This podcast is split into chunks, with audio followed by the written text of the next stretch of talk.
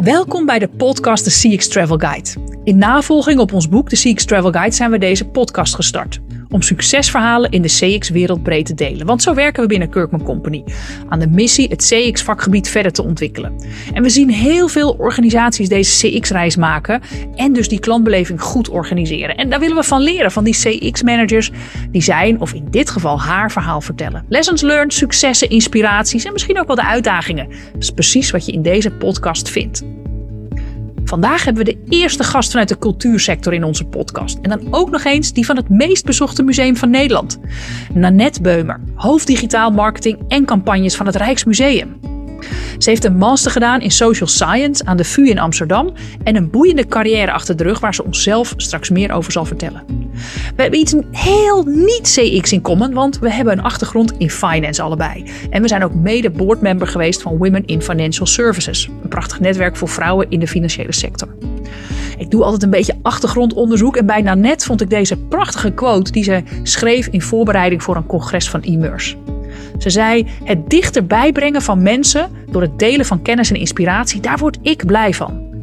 Eerder deed ik dat bij startupkandoor.nl en nu in mijn rol bij het Rijksmuseum doe ik dat met kunst en geschiedenis. We vertellen de verhalen van het museum in verschillende kanalen op een manier die mensen inspireert en raakt. Ja, dus een groot welkom voor Nanette Beumer. Wat fijn dat je er bent. Ja, leuk om eh, mee te doen. Ja, ik introduceerde je net en normaal vertel ik in de intro van alles over carrières. Maar in jouw geval hè, denk ik dat je dat heel goed uh, zelf kan. Hoe is jouw carrière verlopen en hoe ben je hier in dit custom experience, maar vooral het di digital vak terechtgekomen?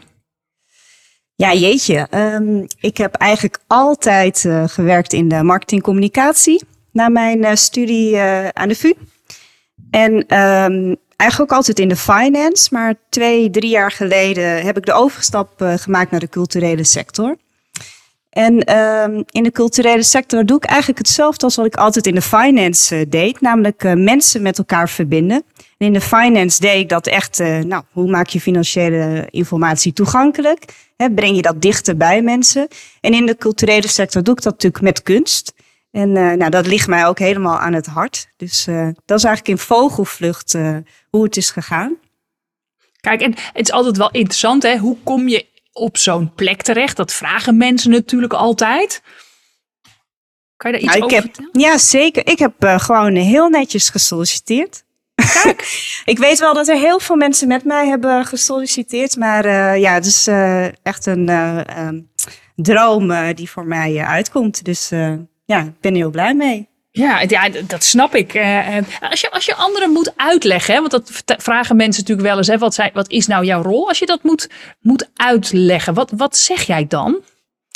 Ja, bij het Rijksmuseum ben ik verantwoordelijk voor de digitale strategie. Dus eigenlijk hoe wij de verbinding zoeken met alle mensen die fan van onze collectie zijn of dat nog worden. En eigenlijk ook van alle, verantwoordelijk voor alle online kanalen. Dat zijn er zo'n zeven in totaal. Dus van website, app tot sociale kanalen. Oké, okay. want we zien natuurlijk zeker in CX dat die, die sociale kanalen, dat is natuurlijk echt wel, wel booming. Hè? Um, heb je het dan bijvoorbeeld ook over YouTube? Zitten jullie ook op TikTok? Ik weet het eigenlijk niet eens. Zeker. Ja, Zeker we, ook? Ja. We hebben op TikTok, ja, we hebben op TikTok bijna 100.000 volgers. Dus uh, dat is een ongelooflijk leuk kanaal uh, uh, om uh, ja, met ons uh, publiek te engagen. Want het is een kanaal waar heel veel jongeren natuurlijk vooral op actief zijn. Ja, wat leuk.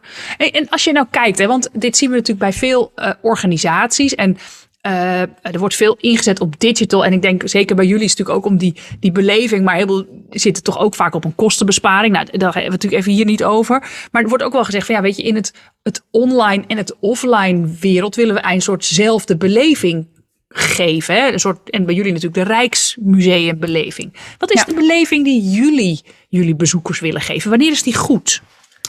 Nou, misschien is het wel goed om te zeggen dat wij hebben een, uh, een belief. Hè? Dus wij geloven als museum dat een uh, online bezoek net zo belangrijk is als een offline bezoek. Nou zou je kunnen zeggen dat is lekker makkelijk hè, na zo'n uh, lockdown periode. maar dat, wa dat was het eigenlijk altijd al. Want zo'n ja, zo'n negen jaar geleden lanceerde het Rijksmuseum Rijksstudio. He, uh, meer dan 700.000 objecten kan je bij ons gratis downloaden. Een hele hoge resolutie, dat is vrij uniek in de wereld. En toen, ja, dat is ook eigenlijk met het idee kunst moet toegankelijk zijn voor iedereen. Dus uh, iedereen op de hele wereld moet met zo'n collectie aan de slag kunnen gaan. Nou, daar hebben we natuurlijk allerlei optimalisaties uh, in gedaan. Maar wij, ja, wij geloven dat nog steeds. Dus dat je dat naar een heel breed publiek moet kunnen brengen. Ja, en wij, wij praten vaak in, in Custom Experience ook, hè, wanneer is die dan goed? Um, heb je daar bepaalde elementen in? Dat je zegt, in die digitale beleving, dan moet het aan ABC voldoen? Of is dat ja, te simpel? Ja. Ja, dat is misschien wel goed om te zeggen. Kijk, wij maken onderscheid eigenlijk uh, in twee soorten doelen. Je zou kunnen zeggen een heel commercieel doel. Waarbij, denk aan kaartverkoop, denk aan webshopproducten, aan rondleidingen, lezingen die wij ook uh, verkopen via onze website. Uh, maar daarnaast hebben we ook een ander heel belangrijk doel voor het museum. Dat is echt inspireren. Daar hebben wij geen enkel conversie of commercieel doel, zou je kunnen zeggen, mee. Nee. het enige wat we daar willen, is dat mensen onze collectie leren kennen. En ja, uh, daar meten wij echt betrokkenheid. Hè? Dus hoe, uh, ja, hoe uh, leuk vinden mensen onze collectie? maken ze bijvoorbeeld Rijksstudioborden met onze collectie? Hè? Gaan ze ook materialen maken? En dat soort dingen kunnen we natuurlijk online heel goed meten. Dus dat is voor ons wel een ja, belangrijke meetindicator. Dus als je zou zeggen, is, wanneer is het goed? Wij vinden het goed als niet alleen mensen kijken, maar ook echt mensen met onze collectie aan de slag gaan. Ja, leuk. Want ik weet nog goed, ik werkte bij KPN uh, toen uh, het Rijksmuseum ook geopend werd. En zeker in die fase daarvoor. En ik weet nog dat er veel van mijn collega's van corporate communicatie ook samenwerkten met jullie. En een belangrijke rol hadden in dat digitaliseren van, ja, van ja, die collectie. En zorgen dat het allemaal beschikbaar werd. Ehm, maar ja, dat is natuurlijk ook alweer een tijd geleden. Volgens mij 2014 of 15, ik weet het niet eens meer.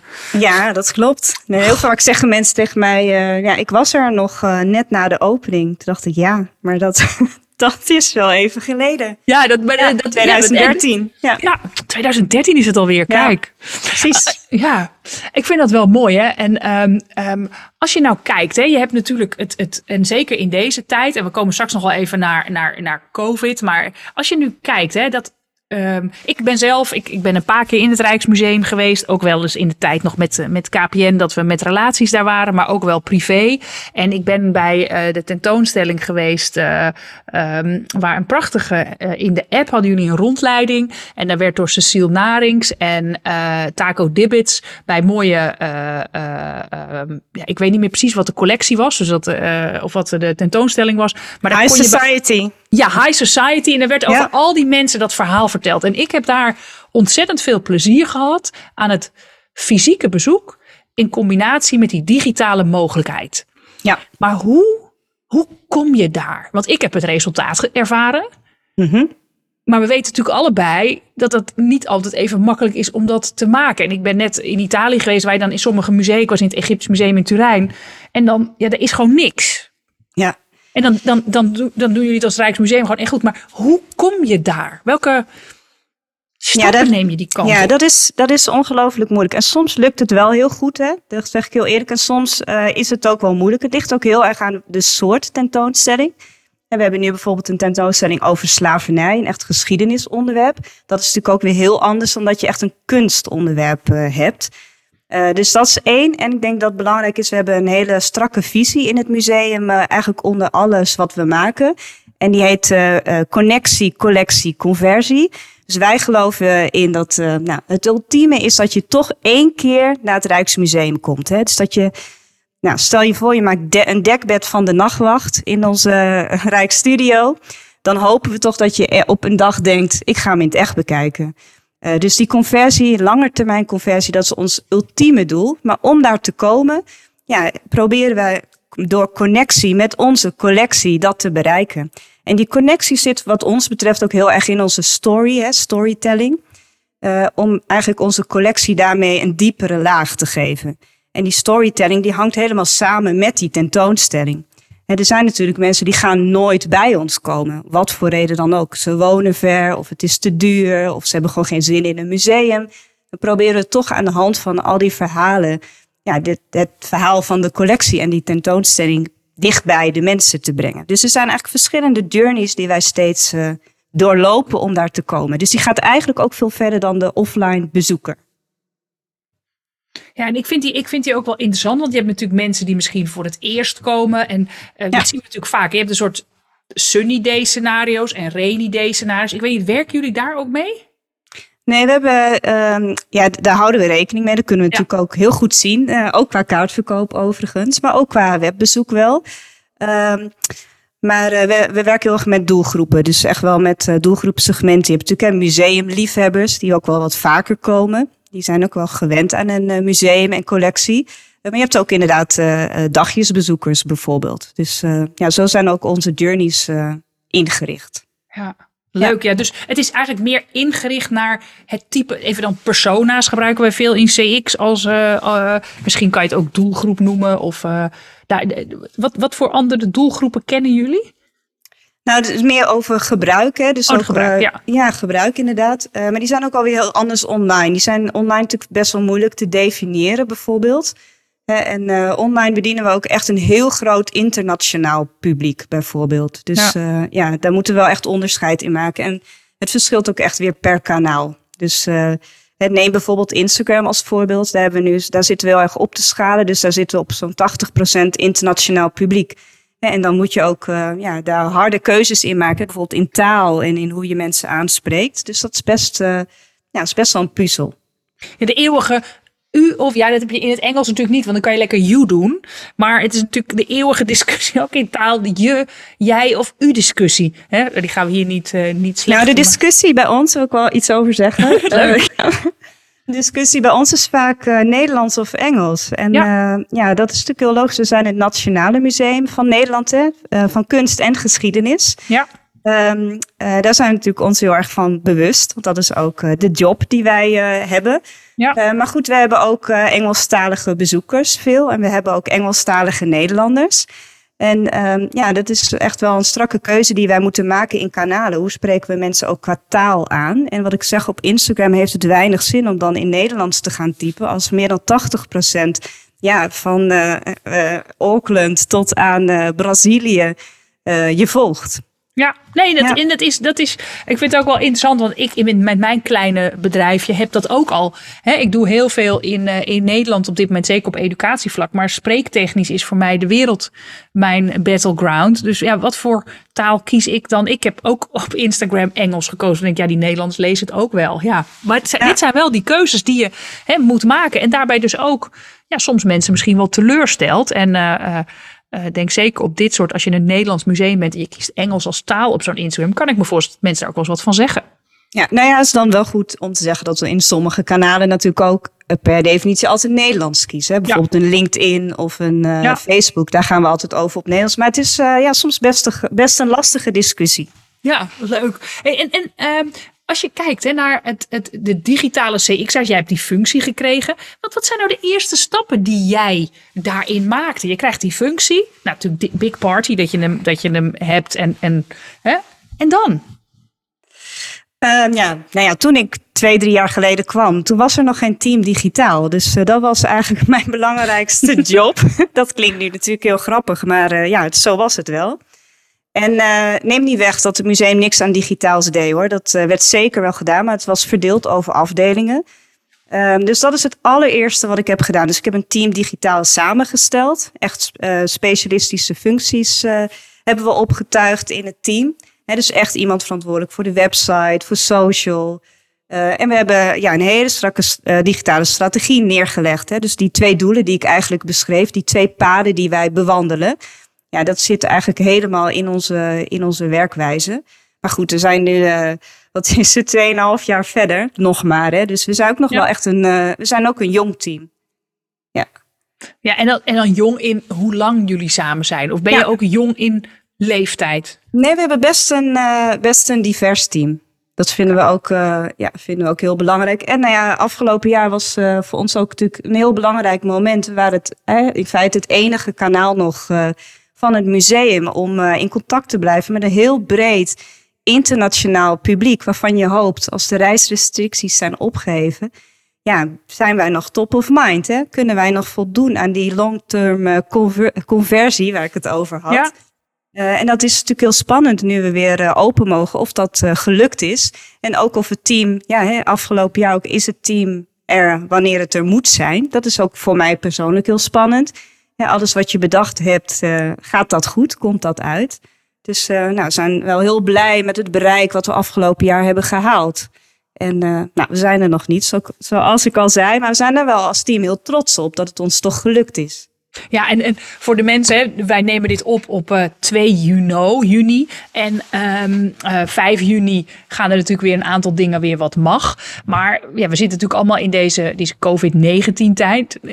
Welke grote uitdagingen kende jij nou in jouw rol met betrekking tot het Rijksmuseum. We hebben het met alle gasten elke keer over. Nou, vorige keer hadden we TUI. Nou, in de reiswereld, dan kan je het ook voorstellen. Nou, ik kan me bij jou ook voorstellen. Wat waren nou de, de uitdagingen die jij op je pad hebt gekregen?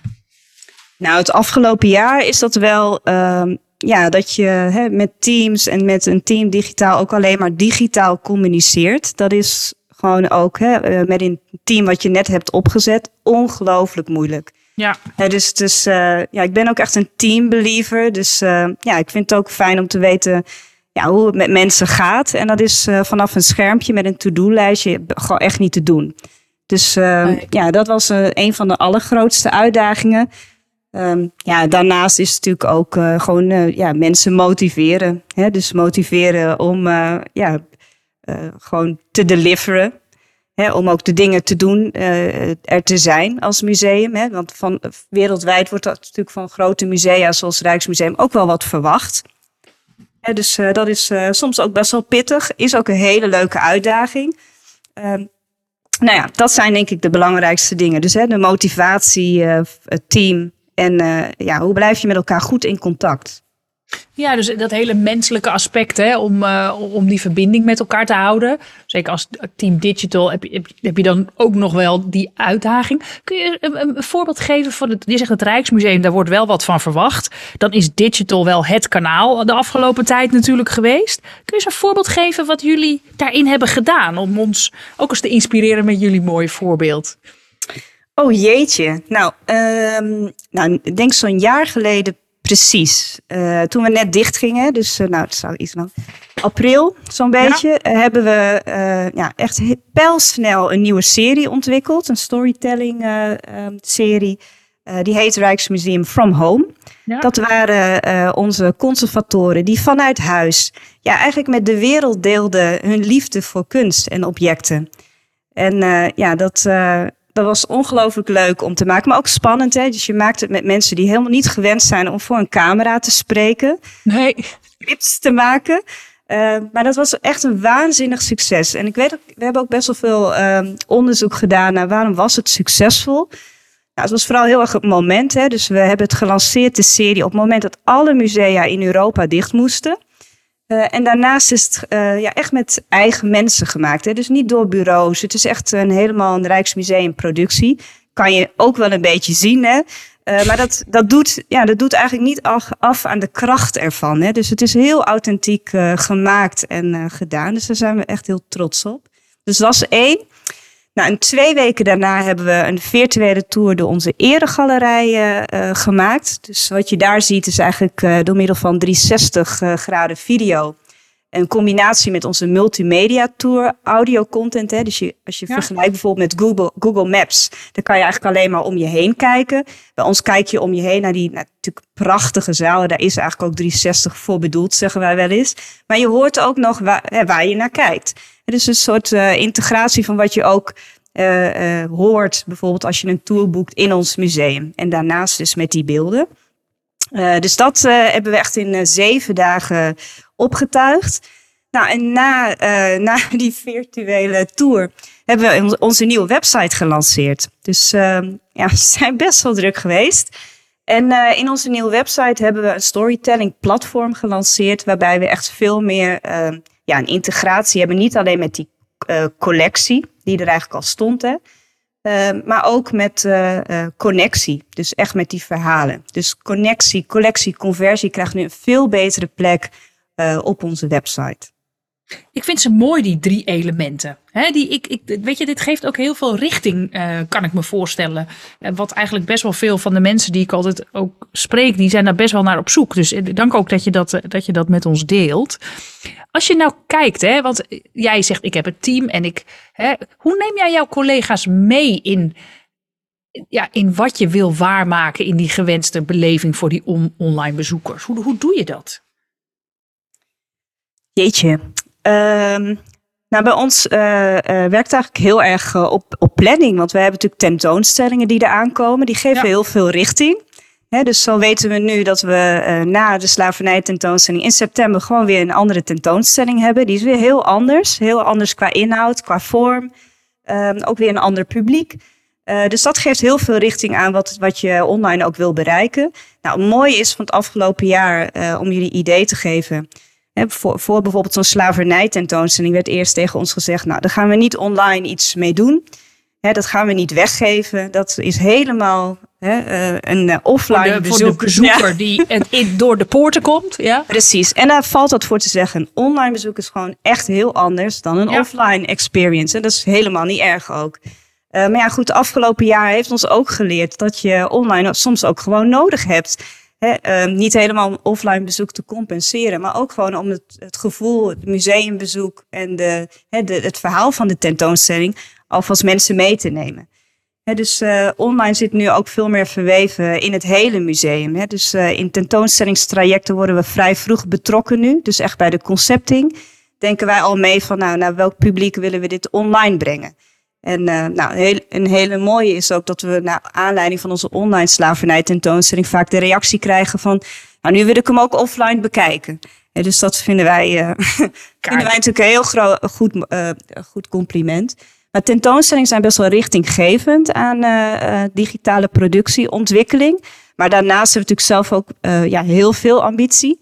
Um, en daar hebben we een aparte roadmap voor. Dus ja, we, zijn, uh, we willen altijd heel veel. hoe, hoe, groot is jouw team? Uh, we zijn nu met z'n tienen. Dat is dan ons uh, digitale marketingteam. En daarnaast hebben we nog marketeers en nog iemand voor sales. Ze hebben een paar vacatures, dus ik roep hierbij iedereen op. Mensen, kijk, ja. waar kunnen ze kijken, Nanette? Waar, Op onze website, rijksmuseum.nl en werken bij. Dus uh, ja, we zijn altijd op zoek naar leuke, frisse, uh, nieuwe mensen die, uh, ja, die het ook tof vinden om ja, het Rijksmuseum merk groot te maken. Ja, dat kan ik me heel ja. goed voorstellen. En goed dat je dat hier even, even meldt. Um, ik, ik vind hem ook wel interessant. Heb jij bijvoorbeeld een, een eigen soort werkwijze die jij. Want je hebt natuurlijk hè, het werk wat je levert, maar er zit natuurlijk ook de, de manier. We horen natuurlijk veel over agile, maar ook wel hè, dat je zegt, ja, we worden vroeg betrokken. Heel veel mensen, zeker in CX, zeggen wel van ja, weet je, dan zijn eigenlijk al veel dingen bepaald. En dan worden wij nog eens gevraagd van ja, weet je, wat wil de klant eigenlijk of hoe moeten we dat doen? Hoe heb jij daar een soort werkwijze in? Of ja, goed. Ja, we hebben natuurlijk ook ontzettend veel uh, stakeholders. Hè. Dus uh, naast alle interne mensen die natuurlijk heel veel weten van de inhoud. Hè. Dus denk inderdaad aan conservatoren en uh, we hebben ook een hele grote conservation and science, hè, onderzoeksafdeling ja. bijvoorbeeld. Maar we hebben ook ontzettend veel partners. Hè.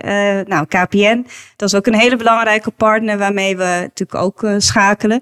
Dus dat is nou goed, daar hebben we gewoon uh, reguliere afspraken mee. Maar de werkwijze in mijn team is, uh, nou, we hebben maandelijks een groeimeeting. Elke week kijken we uh, nou, eigenlijk cijfers in alle kanalen. Dus echt op connectie, collectie, conversie.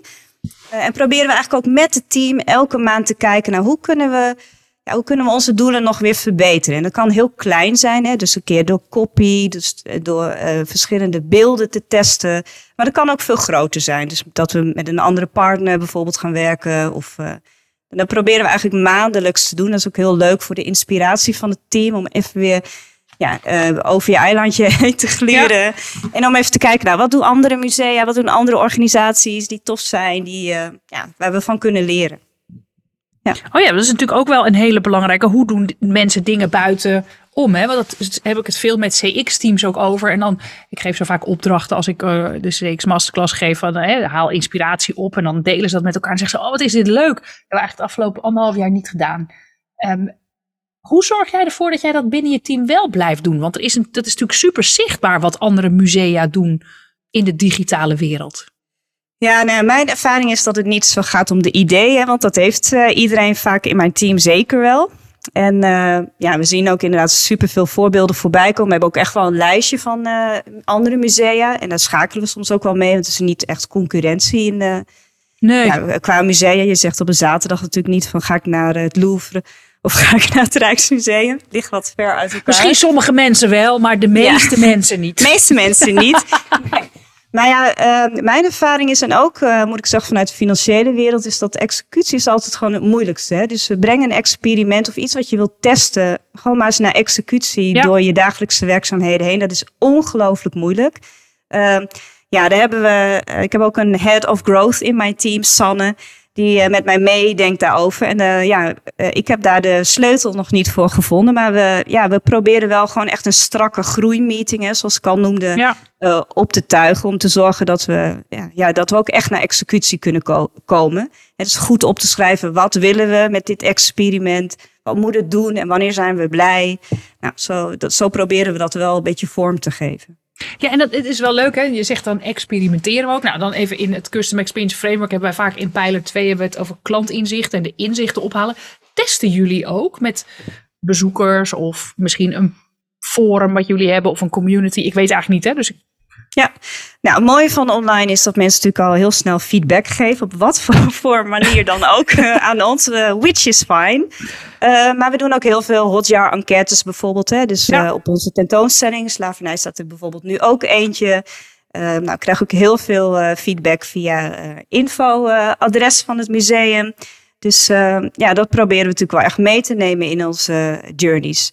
Dus ja. Ja, maar dat staat er natuurlijk al live, hè? Dus, maar doe jij in de fase daarvoor nog iets? In AB-testen of mensen eens laten meekijken en feedback laten geven? Omdat we natuurlijk toch veel zien is dat ja, als je eenmaal ergens werkt, heb je toch een beetje de curse of knowledge, dat je het weet. En hè, ja, zodat je de, van die andere kant nog of ja, nou, we hebben een wekelijkse uh, meeting waarin we eigenlijk al onze testen uitzetten. Okay. Dus ik denk dat er gemiddeld zo'n vijf uh, uh, live staan elke week. Ja, en die proberen we dan elke maandag. Eh, nou, dat is een beetje onze conversiedag. Kijken we hè, wel, welke AB-test heeft het best gewerkt, bijvoorbeeld. Oh, wat leuk. Ja. Wat cool. Nou, daar was ik even gewoon. Dat zijn dan weer eens een beetje meer het CX uh, uh, uh, gedachtegoed. En ook even, als je kijkt naar data en inzichten. Je zei het al, hè, we hebben onze groeimeeting en we gebruiken conversie. Hoe, hoe gebruik je verder data en inzichten om dingen te verbeteren of een betere klantbeleving te geven? Ja, dat is ook uh, nou, het eerste ding wat ik had gedaan hè, toen ik begon met deze job, was het team opzetten. Goede mensen op goede plekken. En tweede is, uh, heb ik een dashboard ingericht. Dus uh, samen met mijn head of growth heb ik dat gedaan om in ieder geval alles gewoon goed te kunnen doormeten. Um, en qua data, uh, ja, natuurlijk kijken we naar. Maar het allerbelangrijkste vind ik ook altijd hè, de ownership. Dus je hebt een hele lange journey van uh, um, unaware dat mensen het Rijksmuseum niet kennen. Nou, heel veel mensen in het museum denken vaak het Rijksmuseum kent iedereen. Uh, maar dat is natuurlijk helemaal niet waar. En dus van unaware tot aan mensen die geweest zijn. En misschien wil je mensen die geweest zijn wel hè, een, ja, een toch wat langere relatie mee. Dus, want hoe leuk zou het zijn, je bent bij het museum geweest je gaat daarna iets maken van de collectie. Je, je koopt nog wat in de webshop bijvoorbeeld. Of nou, noem het maar uh, op. Of een subscriber voor de nieuwsbrief. Dus eigenlijk die hele journey is gewoon heel belangrijk om die in te delen. Ook qua ownership. Hè? Dus wie is verantwoordelijk ja. voor dat eerste stukje? En wat zijn daar dan de cijfers waar je op wil sturen? Dus zo proberen we het ook uh, ja, zo goed mogelijk in te richten. Ik heb niet een heel groot team, moet ik uh, erbij zeggen. Uh, maar dat is wel hoe wij onze, ja, gewoon willen focussen op onze data. Ja. Mooi. En, en, kijken jullie bijvoorbeeld ook, meten jullie uh, bijvoorbeeld NPS of CSET of KTO, zoiets? Ja, we meten een NPS. Volgens mij ligt hij nu net iets boven de 60, maar dat was uh, voor de lockdown uiteraard. Uh, ja, die meten we. En uh, ja, we meten ook heel reguliere bezoekerservaringen. Mensen die ook echt in het museum natuurlijk zijn geweest. Ja. Ja, Mooi. En na elke, oh sorry, na elke uh, bezoek aan het museum krijg je ook natuurlijk de mogelijkheid om je feedback te geven. En dat doen ook heel veel mensen. Dus dat is ook echt heel leuk om uh, terug te lezen. Ja, en dat, dat is natuurlijk wel voor het, het offline versus online. Hè? Um, werk jij, met wie werk jij veel samen in het, in het museum? Want je zegt ook, er zijn veel stakeholders, maar jij als, als, als, als nou ja, hè, zeker in uh, je nieuwe functie hoofd digitaal marketing en campagnes met wie zijn nou jouw peers waar jij veel mee samenwerkt? Nou, we hebben geprobeerd een beetje een goede inrichting te maken. Zo hebben we bijvoorbeeld een hoofdredactie binnen het Rijksmuseum, waar eigenlijk alle verhalen van het museum samenkomen. En waarin ook wordt bepaald welk verhaal krijgt nou prioriteit. Hè? Er wordt ook heel veel onderzoek gedaan. En je kan simpelweg ook gewoon niet alles maken. En niet voor elke doelgroep. Ja. Uh, ja, zo proberen we wel een beetje grip erop te houden. Uh, dus dat is heel belangrijk. En uh, ja, natuurlijk regelmatig ook sectoroverleg. Hè? Dus eigenlijk overstijgende overleg, zodat je wel weet wat er in het museum allemaal gebeurt. Ja. Ja. Maar we zijn ook best een grote organisatie. Dat vergeten ook heel veel mensen wel eens. Hè. Er werken 700 mensen bij het museum. Dus het is ook best een uh, flinke, flinke club. Het is gewoon een groot bedrijf. Ja, we zijn gewoon een bedrijf, ja. Ja, gewoon een groot bedrijf. Mooi. Hè? En, en je hebt al een paar dingen verteld. Maar heb je nog een succes op het gebied van digital die, die je behaald hebt? Die zegt, oh, die wil ik nog echt wel even hier delen. Oh, jeetje, nou wat ik het afgelopen jaar gemaakt heb met mijn team, daar ben ik wel echt waanzinnig trots op. dus die nieuwe website, ja, uh, ja dat is echt uh, wat we daar hebben gemaakt. Ook, je hebt een player in page, hè, dus je kan echt helemaal, uh, ja, het is echt een heel immersive gevoel wat je hebt als je daar verhalen bekijkt. En dat wordt ook door heel veel mensen gedaan. We krijgen ja, zo'n 150.000 mensen uniek elke week nog naar onze website. Dat is natuurlijk waanzinnig. We, zijn, we, waren dicht. Dus, uh, dus mensen komen ook echt voor collectie en de verhalen. Dus dat vinden wij natuurlijk waanzinnig leuk. En uh, uh, ja, toen ik kwam, werden er ook nog niet zoveel verhalen gemaakt. Dus we hebben ook echt, ja, dat hebben we helemaal met elkaar opge opgezet. Dus daar zijn we met z'n allen eigenlijk heel trots op. Ja, mooi. Ja, je bent, wat je al zei, ik ben echt die teamspeler. En dat wij, hè, dan heb je ook met elkaar dat succes behaald. Dat is mooi. Wat we ook het belangrijk vinden is, hè, en zeker in CX, is voor je het weet heb je het over de grote lijnen, over, hè, en bij jou in geval de verhalen en zo. Maar wat is nou een verhaal van een klant, van klantervaring, waarvan je zegt, ja, die vergeet ik echt nooit meer? Ja, wij hebben vooral in de lockdown-periode echt, echt hartverwarmende reacties uh, gehad. Ook heel erg naar aanleiding van dat uh, uh, Rijksmuseum on tour, nachtwacht on tour, waarbij de nachtwacht op ware grote door ziekenhuizen ging en verzorgingstehuizen. Wat trouwens nog steeds uh, gebeurt. Uh, maar echt specifiek voor mijn team was, nou, we hadden we ook weer een from home video gemaakt met een, een van onze conservatoren. Nou, volgens mij hebben we daar heel veel versies van gehad voordat we dat goed hadden opgenomen. En na, nadat we hem live hadden gezet, kregen van een vrouw in Londen een hele lieve reactie van ik lag in het ziekenhuis met covid en eh, ik ben nu weer thuis en ik zie die video en ik wilde altijd nog een keer naar het museum komen, maar nu ga ik echt komen als jullie weer open zijn, weet je wel. Dus, oh. Ja, dat, is, uh, ja, dat soort. Maar dat, ik moet eerlijk zeggen, we hebben echt meer van dat soort reacties uh, gehad. En dan denk ik ook weer, ja, dat is ook wat kunst kan doen. Ja, in zo'n periode van lockdown denk ik ook dat je dan weer realiseert ja, hoe belangrijk films zijn, boeken ja. hè, en creatief bezig zijn. Dat, daar kan niemand zonder. En nee. uh, ja, dat is natuurlijk heel fijn als je op die manier iets kan betekenen voor mensen. Nee, ik, wil, mijn, uh, ik heb mijn dochter toen ze klein was, is ondertussen 22, heb ik veel meegenomen naar allerlei musea, ook naar kinderdingen en ook naar het Rijksmuseum. Het is een tijd dicht geweest en toen uh, was het weer open. Toen heb ik hem meegenomen, maar zat ze ontzettend in de puberfase en die had er helemaal geen zin in. en um, dat vergeet ik ook, dat vergeet zij zelf ook niet meer, want ik kwam een, een zakenrelatie tegen en zij hing echt als een blok aan mijn been. En wij liepen echt een beetje met z'n tweeën soort... Um, en ik weet nog goed dat ik twee weken geleden zegt ze: Mam, zullen wij binnenkort, als het weer mag, naar het Rijksmuseum? En ik dacht: wat zegt ze nou? dat meende ze echt uit de grond van haar hart. Nou, dat is leuk. Ja, nou, leuk. Ja. Ik, ik vond het zelf ook leuk, want ik, ik vind dat soort dingen altijd wel bijzonder. Maar dan zie je dus toch dat het een tijd niet mogen, wakkert dus ook bij deze doelgroep die behoefte dus ook aan. Ja, nou dat is natuurlijk wat wij heel graag hopen. Kijk, sommige mensen krijgen het ook niet zo vanuit huis mee. Hè? Dat is nou eenmaal ja. zo. In sommige mensen zit het ook niet zo intrinsiek. En dat is ook allemaal oké. Okay, maar je hoopt toch, hè, als uh, mensen er wel voorliefde voor hebben en er nooit mee in aanraking zijn geweest, dat ze toch, hè, in Nederland kan het gewoon. Hè, kan je gewoon ook uh, die mooie dingen zien, want we hebben ook zoveel moois. Uh, dus je hoopt dat een vlammetje toch gaat branden. Ik nou, moet eerlijk zeggen, mijn zoon die, uh, ja, die vindt het uh, gewoon helemaal niet leuk om mee te gaan. Die vindt de brownies in het café leuker dan uh, ja. de tentoonstelling. Maar ik merk ook, ik neem natuurlijk wel vaker mijn dochter ook mee. En uh, hoe vaak ik ga, hoe leuker ze het ook vinden. Dus ze herkennen natuurlijk ook waar alles is. En, uh, ja, en mama ook... werkt daar. Dat is natuurlijk wel helemaal... Uh, dat is wel iets leuker dan de finance, ja. Ja. Hey, als je die klantverhalen, hè, dat vertel je net. Hoe, de, hoe delen jullie die intern? Als zo'n feedback van zo'n vrouw komt uit, uit Londen. hebben jullie daar een soort een plek waar jullie dat soort verhalen delen? Of nou, met mijn team deden we dat soort dingen wel heel vaak. Ook wel, uh, nou, dit was natuurlijk een, uh, een hele mooie, ook wel hele grappige dingen natuurlijk. Maar we, ja, we gebruiken het intranet daar ook echt voor. Oh ja. ja. dus uh, we hebben ook heel veel andere projecten. Dus er zijn ook heel veel collega's die schrijven brieven met kunstliefhebbers die niet naar het museum kunnen. Um, dus daar, wordt, daar krijgen we ook hele mooie reacties op. Dus die, ja, die delen we allemaal met elkaar op het intranet. Kijk, leuk. En, en de, we gaan een beetje richting de afsluiting. Er zitten altijd nog twee belangrijke vragen in. En, en als je nou kijkt, hè, wat zijn nou jouw grootste, of wat is jouw grootste, of wat zijn je grootste learnings nu van deze, nou ja, van jouw CX Digital reis bij, bij Rijksmuseum? Ja, een van de belangrijkste dingen vind ik wel hè, dat authentieke. Dat zit ook heel erg in onze kernwaarden, in de kernwaarden van het museum. Uh, ja, dat is wel een belangrijke learning in ieder geval van het afgelopen jaar. Uh, je hoeft natuurlijk niet al, alles zelf te maken, dat bedoel ik niet hoor. Maar echt de mensen die het verhaal vertellen zijn zo ontzettend belangrijk voor wat je wil overbrengen. Hè, dus die, die moeten ook gewoon geloven in het verhaal. En uh, ja, ik denk dat dat, dat is denk ik de sleutel. Hè? Dus welke mensen vertellen uiteindelijk je verhaal en op welke manier.